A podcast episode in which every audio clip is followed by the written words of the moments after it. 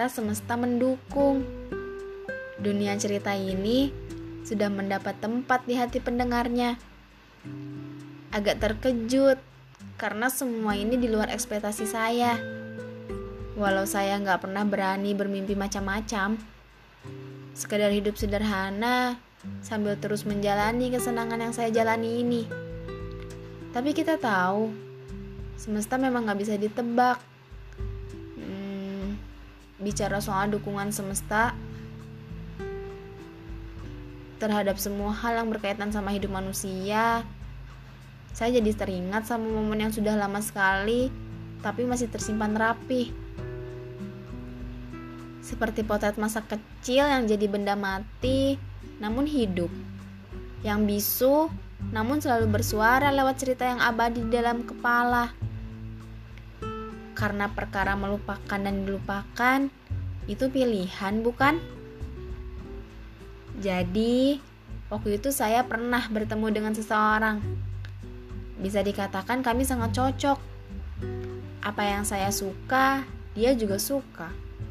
Apa yang dia kira nggak ada yang suka, ternyata saya malah suka. Dia bisa nonton film Harry Potter berulang kali, pun dengan saya. Sempat berpikir, mungkin ketika Tuhan berencana melahirkan kami ke bumi, Tuhan sengaja memisahkan untuk akhirnya kembali menyatukan. Dia sering ke rumah, bawa cemilan yang dia beli di supermarket. Mungkin cuma sosis dan cek rumput laut. Selera yang sama. Sambil nonton film-film Doraemon dan Harry Potter yang ada subtitlenya dan kadang juga enggak. Tapi, ia adalah film terindah untuk ditonton.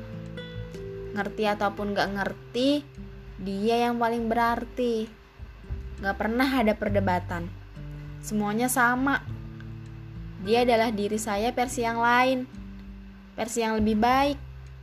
Dia pernah bilang, Ros, kita jodoh kali ya. Tapi setahun setelah dia bilang begitu, kami selesai. Sepertinya nggak perlu dibahas bagian sesudah itu biar yang hancur, kecewa, sedih, terluka, jadi pelajaran, tapi nggak melulu harus dikenang. Patah hati harus kenal waktu, jangan sambil berhenti lalu mati. Dan gak lama, saya ketemu dengan orang lain lagi. Parah, kami sangat gak cocok. Dari hal apa pun, gak ada yang sama. Dia suka horor, saya enggak. Dia baca buku filsafat, saya suka romance. Saya suka pedes, dia enggak. Kebayangkan tiap malam pertengkaran gak pernah absen. Ada aja yang bikin berantem. Bukan lagi soal masak mie. Telur dulu apa mie dulu yang dimasukin panci. Tapi perkara salah kata sedikit saja bisa buat gak ngomong dua hari hal kecil jadi besar. Apalagi kalau sudah berdebat tentang motor mana yang bagus dan ingin kita perbaiki lebih awal.